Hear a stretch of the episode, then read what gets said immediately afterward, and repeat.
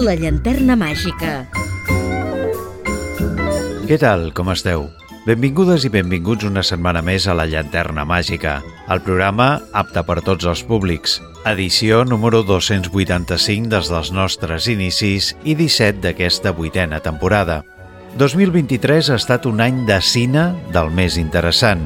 Més enllà de la qualitat de les pel·lícules, ha estat un any on el públic s'ha mostrat cansat del cine de superherois, un any de notables decepcions i fracassos a taquilla que han arribat a provocar la sensació de que les sales de projecció estaven sucumbint davant les plataformes de streaming, fins que va arribar el fenomen Barbenheimer, fusió dels títols de la pel·lícula Barbie i Oppenheimer, que van tornar a omplir les sales com feia molt de temps no es veia. Un fenomen mundial que va salvar al cine i a Hollywood com a mínim durant unes setmanes – són aquelles coses inexplicables que de tant en tant sorgeixen i ens donen una mica d'oxigen per continuar. Haurem de veure com evoluciona i fer un repàs de tot el que ens ha ofert la indústria cinematogràfica aquest 2023 que tot just acabem de deixar enrere. Però abans d'entrar en matèria, deixeu-me que us recordi que podeu seguir la nostra activitat i escoltar els darrers programes emesos a les xarxes socials. Segueix el programa al Facebook facebook.com barra la llanterna màgica. Tenim una adreça de correu electrònic per si us cal contactar amb nosaltres o fer-nos arribar les vostres consultes o suggeriments. Vols contactar amb el programa? llanterna01 arroba gmail.com I ells són tots? Doncs vinga, som-hi! La llanterna màgica, amb Jordi Terrades.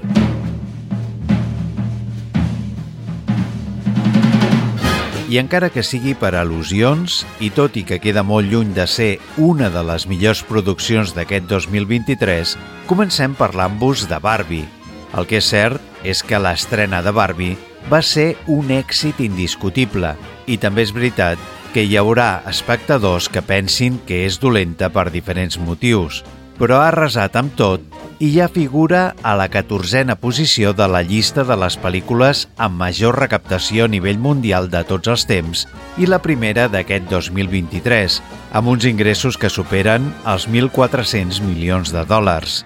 Greta Gerwig va dirigir i coescriure amb el seu marit i col·laborador habitual, Noah Baumbach, aquesta esperada cinta, basada en la popular Nina Barbie. Per descomptat que a l'apartat de direcció artística i vestuari el resultat és molt notable i s'inclouen cançons i coreografies que són molt atractives. El que s'hi ha de quedar clar és que no és una pel·lícula destinada al públic infantil més enllà d'alguns gags i l'estètica amb la que potser connectin. Però el missatge que se'ns ofereix a la cinta és que estem immersos en una societat on regna el patriarcat i les dones són vistes com a objectes sexuals, són assetjades i no ocupen llocs de poder.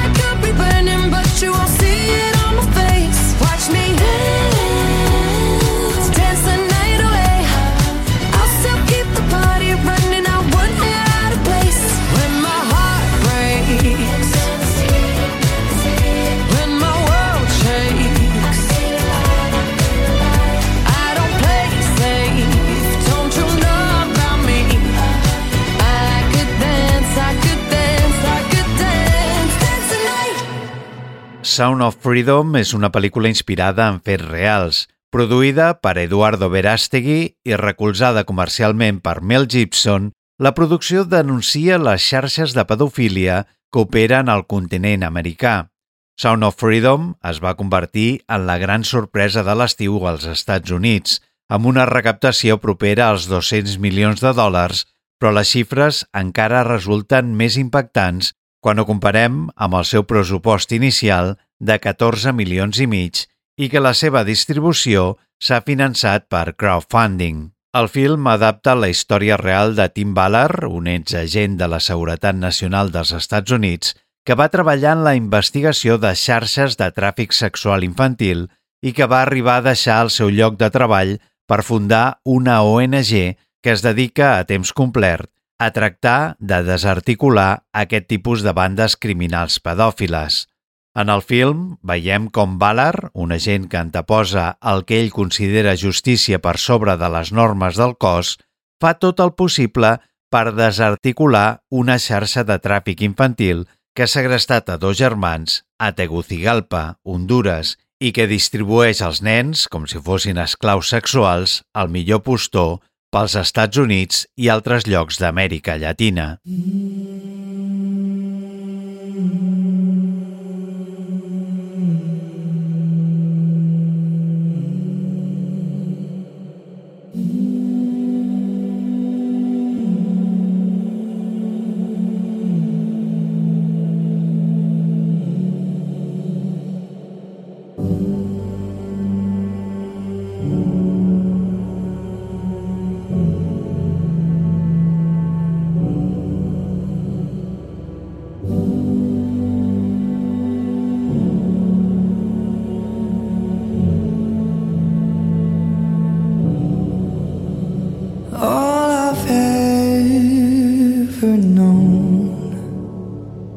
to always keep you close, holding on to hope.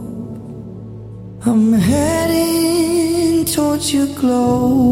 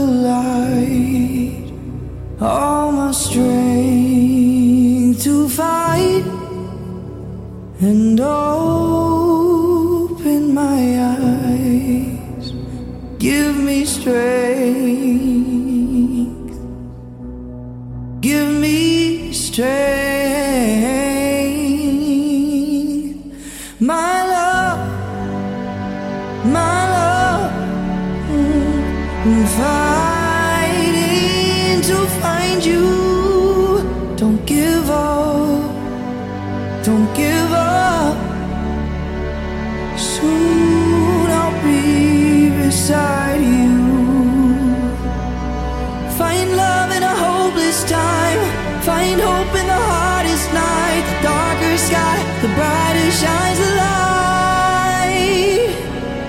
Find faith for the terrified.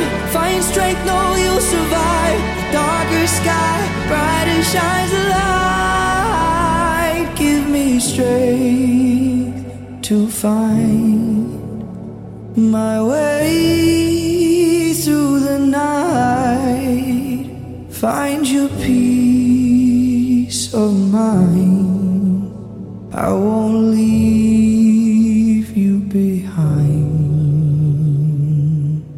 Sis anys després de debutar com a guionista i realitzadora amb Julia East, la també actriu Helena Martín es comet el seu segon llargmetratge, Creatura. Compta amb la col·laboració en el llibret de Clara Roquet, autora de Libertat, amb alguns punts en comú, sobretot en la part on es parla sobre l'adolescència de la protagonista. el cos femení i el desig sexual com a estigma.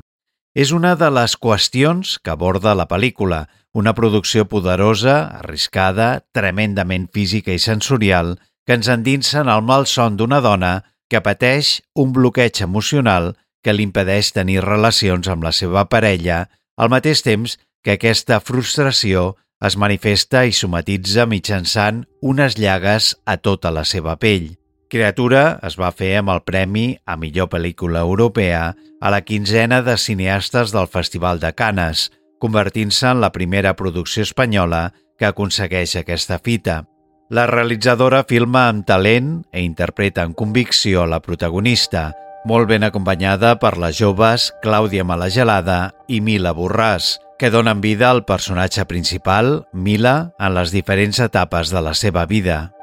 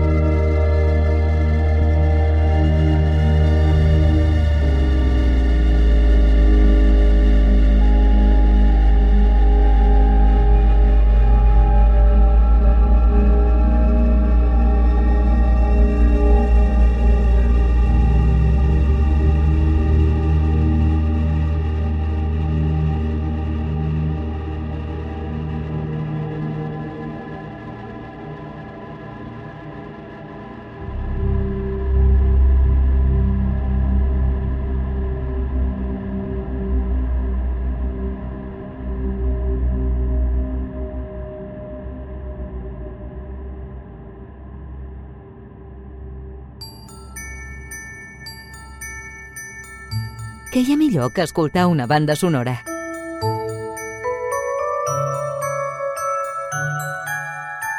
La llanterna màgica. Amb Jordi Terrades. A Ràdio Sabadell 94.6 Alejandro Marín, que va dirigir els sis capítols de la sèrie Maricón Perdido, on oferia una visió realista dels tòpics del món LGTBI, Ara debuta en el món del llargmetratge amb Te estoy llamando locamente, una cinta que ens situa a Sevilla l'any 1977. Després de la mort del seu marit, sastre de professió, Reme ha criat en solitari el seu fill Miguel, que està a punt de fer l'examen de selectivitat, que li permetrà accedir a la facultat de dret. Però Miguel està més interessat per participar a Gente Joven, popular programa televisiu que ofereix oportunitats a cantants novells. Buscant qui el pugui ajudar per aprendre a estar dalt d'un escenari, s'integra en un grup de joves homosexuals que es reuneixen a dependències parroquials per lluitar contra els seus drets. A destacar la fantàstica interpretació d'Anna Wagener donant vida a la patidora mare, en primera instància destrossada al descobrir la tendència sexual del seu fill, però el que mai deixa de la mà convertint-se en la seva acèrrima defensora. La pel·lícula finalitza l'any amb cinc nominacions als Premis Goya a millor direcció novell per Alejandro Marín, millor actor revelació per la Dani i Omar Banana, millor guió original i millor cançó original per Yo solo quiero amor, de Rigoberta Bandini. No sé si queda algo de un romance que ya fue No sé si hubo signos que yo no logré entender. ¿A dónde van las cosas que tuvimos que esconder? ¿A dónde va el amor? quiero escuchar tu voz.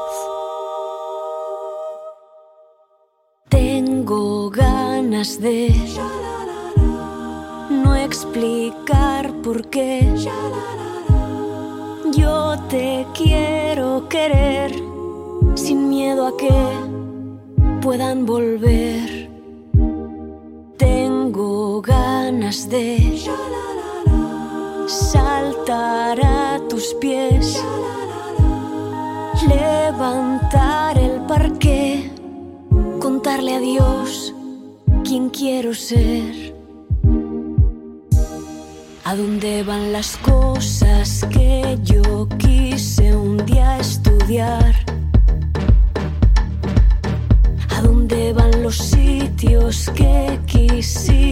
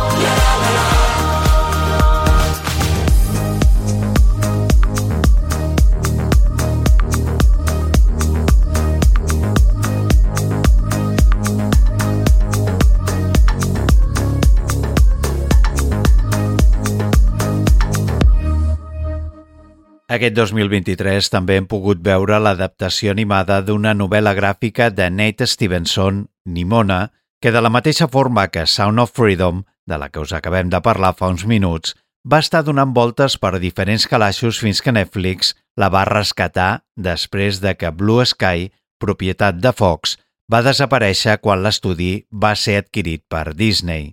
En un món medieval futurista, el cavaller Ballister Bravo Corazón és acusat d'un crim que no ha comès i l'única persona que pot ajudar-lo a demostrar la seva innocència és Nimona, una entremaliada adolescent capaç de transformar-se en tot tipus de criatures. Ella vol ajudar el seu amic a superar aquest tràngol. Nick Bruno i Troy Quinn, que l'any 2019 havien signat Espies disfressats, segueixen l'estel de títols animats populars com Lightyear o Un món estrany, que busquen normalitzar el món LGTBIQ+, entre el públic familiar i els nens. I tot i que el 2023 no ha estat un any especialment bo pel que respecta al gènere de l'animació, l'originalitat del seu plantejament, juntament amb l'imaginatiu univers, el carisma dels personatges i un guió àgil, fa que Nimona sigui una bona opció a tenir en compte. Celebrate the rejects.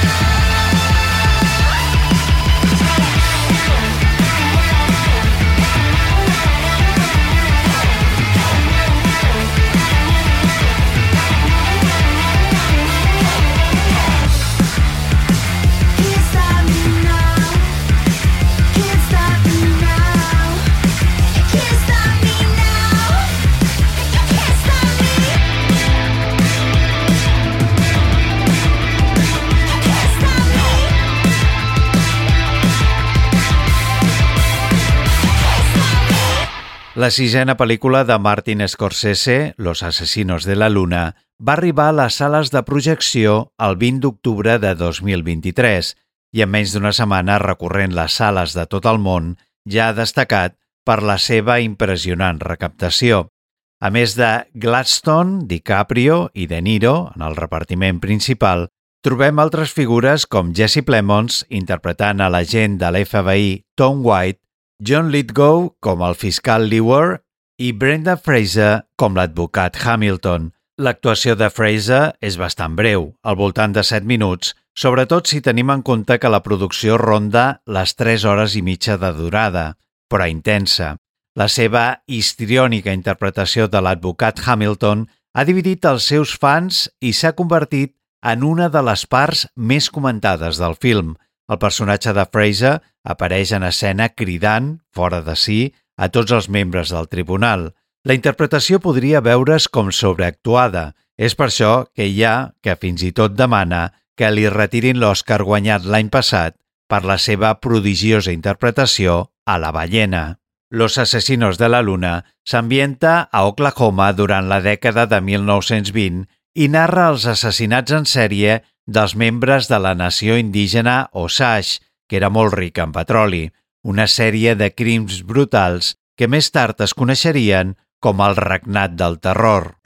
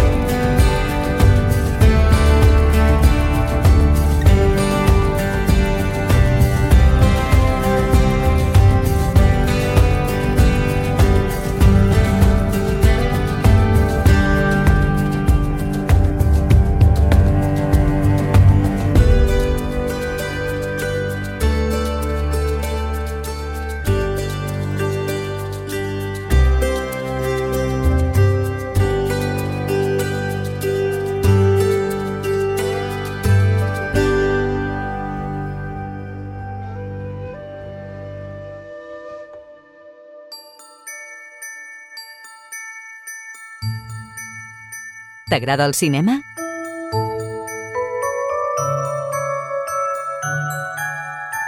La llanterna màgica. Disponible a Spotify, Apple Podcast i iVox. L'Acadèmia de les Arts i les Ciències Cinematogràfiques d'Espanya ja s'ha pronunciat sobre quines havien de ser les nominacions als Premis Goya 2024, coronant a les grans favorites per la gala del 10 de febrer a Valladolid. La Societat de la Nieve, la pel·lícula de Juan Antonio Bayona, ha recollit 13 nominacions, confirmant-la com a una de les grans produccions de l'any. Però, sens dubte, la gran triomfadora ha estat 20.000 espècies d'abejas, el debut en el llargmetratge d'Estíbaliz Urresola Solaguren. La pel·lícula ha sumat la increïble i merescuda xifra de 15 nominacions, trencant un rècord històric dels Goya que fins ara ostentava El Orfanato, de Juan Antonio Bayona, l'any 2007, amb 14. 20.000 espècies d'abejas parteix d'un succés real on un menor trans de 16 anys anomenat Ekai va decidir treure's la vida l'any 2018. A la pel·lícula, Sofia Otero encarna una nena trans anomenada Coco, que es trasllada amb la seva família a un poble del País Basc per visitar els parents de la seva mare. Allà, la nena sentirà més que mai que les peces no acaben d'encaixar la seva vida, a l'haver d'enfrontar-se a les mirades d'adults que només la reconeixen amb el seu nom, Aitor, i la seva identitat masculina. Ai gaua Zer dezu Zer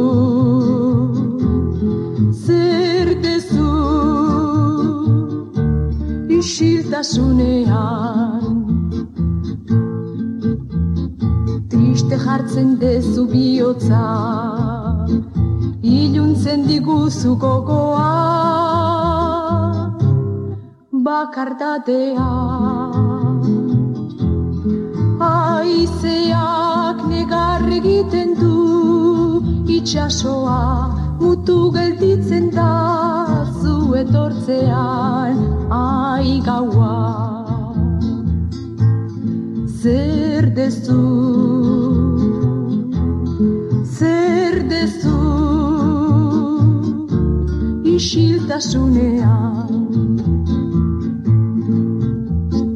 Zuk oroi arazten nauzu Gu bizi geran mundu hau ere dala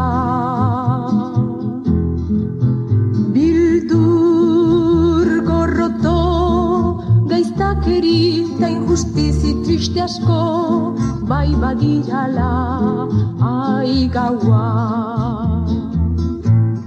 Zer dezu zer dezu isiltasunean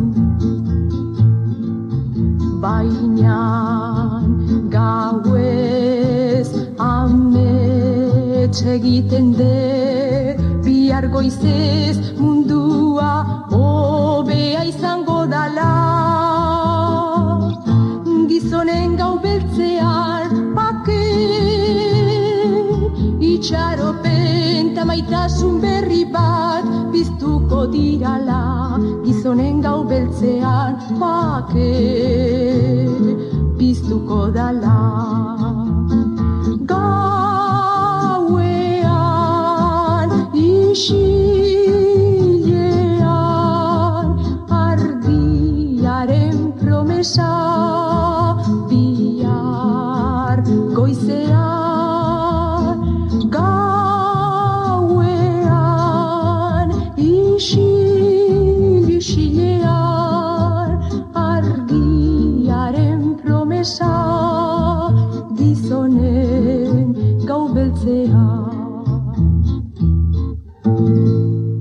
Aquest 2023 també ens ha deixat grans produccions com Vides passades. Hi ha moltes pel·lícules que parlen sobre l'amor, però no són tantes les que escapen dels gastats clixés. Nora i Hae Sung, dos amics de la infància amb una forta connexió, es van separar quan la família de Nora, que llavors tenia 10 anys, va emigrar des de Corea del Sud al Canadà. Dos dècades després, quan Nora està estudiant teatre a Nova York, tots dos es retroben i passaran una setmana junts que els enfrontarà a l'amor, al destí i a les eleccions que un fa al llarg de la seva vida. No hi ha tantes grans pel·lícules d'amor que transcendeixin. Un clar precedent podria ser la trilogia Abans de, de Richard Linklater, perquè els seus protagonistes també es retroben de dècada en dècada i perquè Ethan Hawke i Julie Delpy ja parlaven d'amor i reencarnació en aquell tren rum a Viena. Al final, si Vides passades ha tocat l'os del respectable, és perquè parla d'allò que cal deixar que se'n vagi, encara que sabem que sempre, sempre, seguirà estant allà.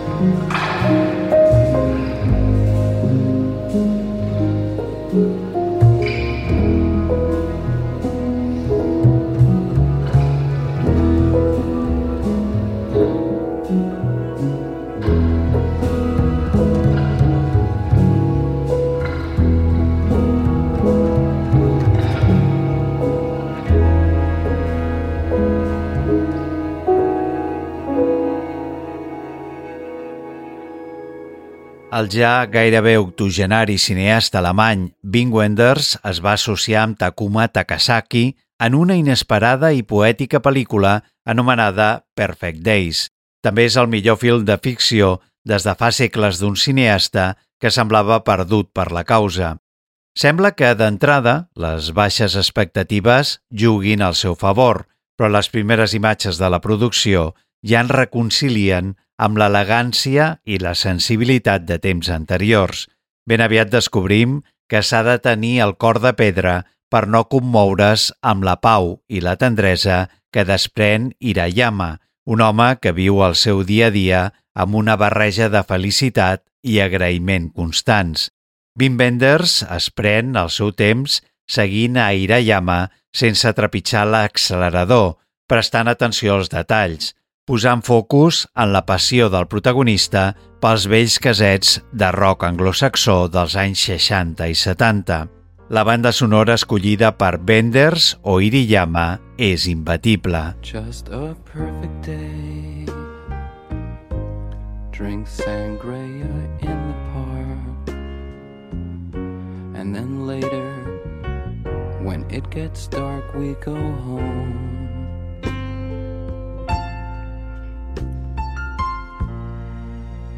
Just a perfect day. Feed animals in the zoo. Then later, a movie too, and then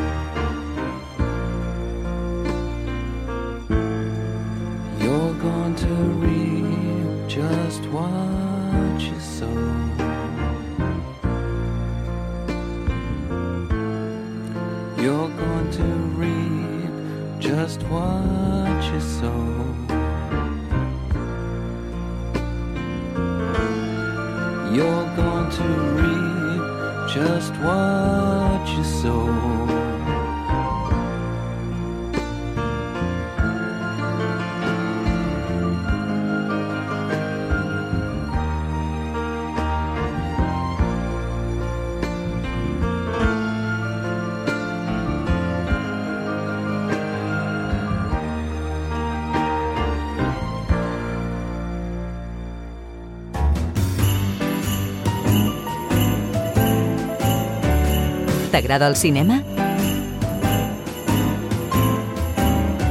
Tot el món del cinema a la llanterna màgica. La llanterna màgica, a Ràdio Sabadell.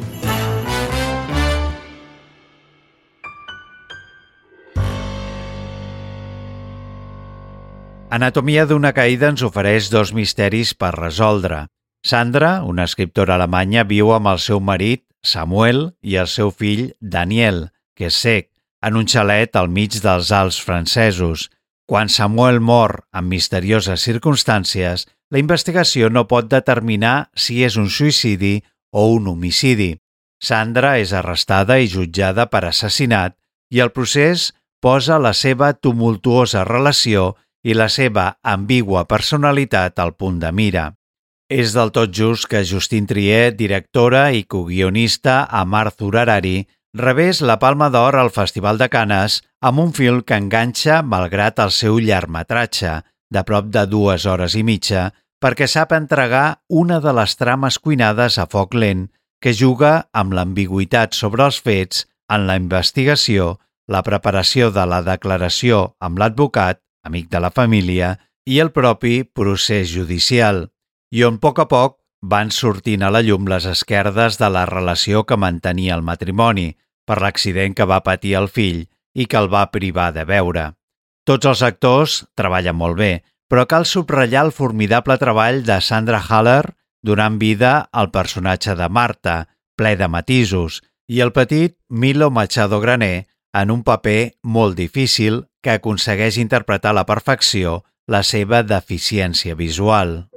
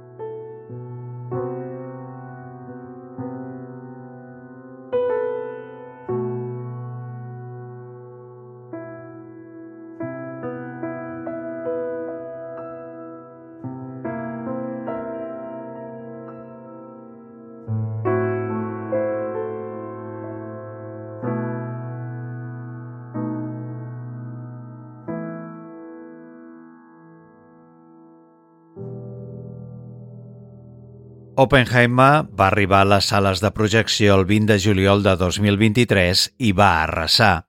Escrita i dirigida per Christopher Nolan, Oppenheimer és un èpic thriller que transporta els espectadors a la trepidant paradoxa d'un enigmàtic home que haurà d'arriscar-se a destruir el món per tal de salvar-lo. En temps de guerra, el brillant físic nord-americà Julius Robert Oppenheimer, al capdavant del projecte Manhattan, lidera els assajos nuclears per construir la bomba atòmica per al seu país. Impactat pel seu poder destructiu, Oppenheimer es qüestiona les conseqüències morals de la creació. Des d'aleshores, i per la resta de la seva vida, s'oposaria rotundament a l'ús de les armes nuclears. La pel·lícula està basada en el llibre guanyador del Premi Pulitzer El triunfo y la tragedia de J. Robert Oppenheimer, de Kai Bart i Martin J. Sherwin i protagonitzada per Killian Murphy. L'actor està rodejat d'altres grans intèrprets com Emily Blunt, Robert Downey Jr., Florence Pugh, Matt Damon, Casey Affleck, Remy Malek o Gary Oldman.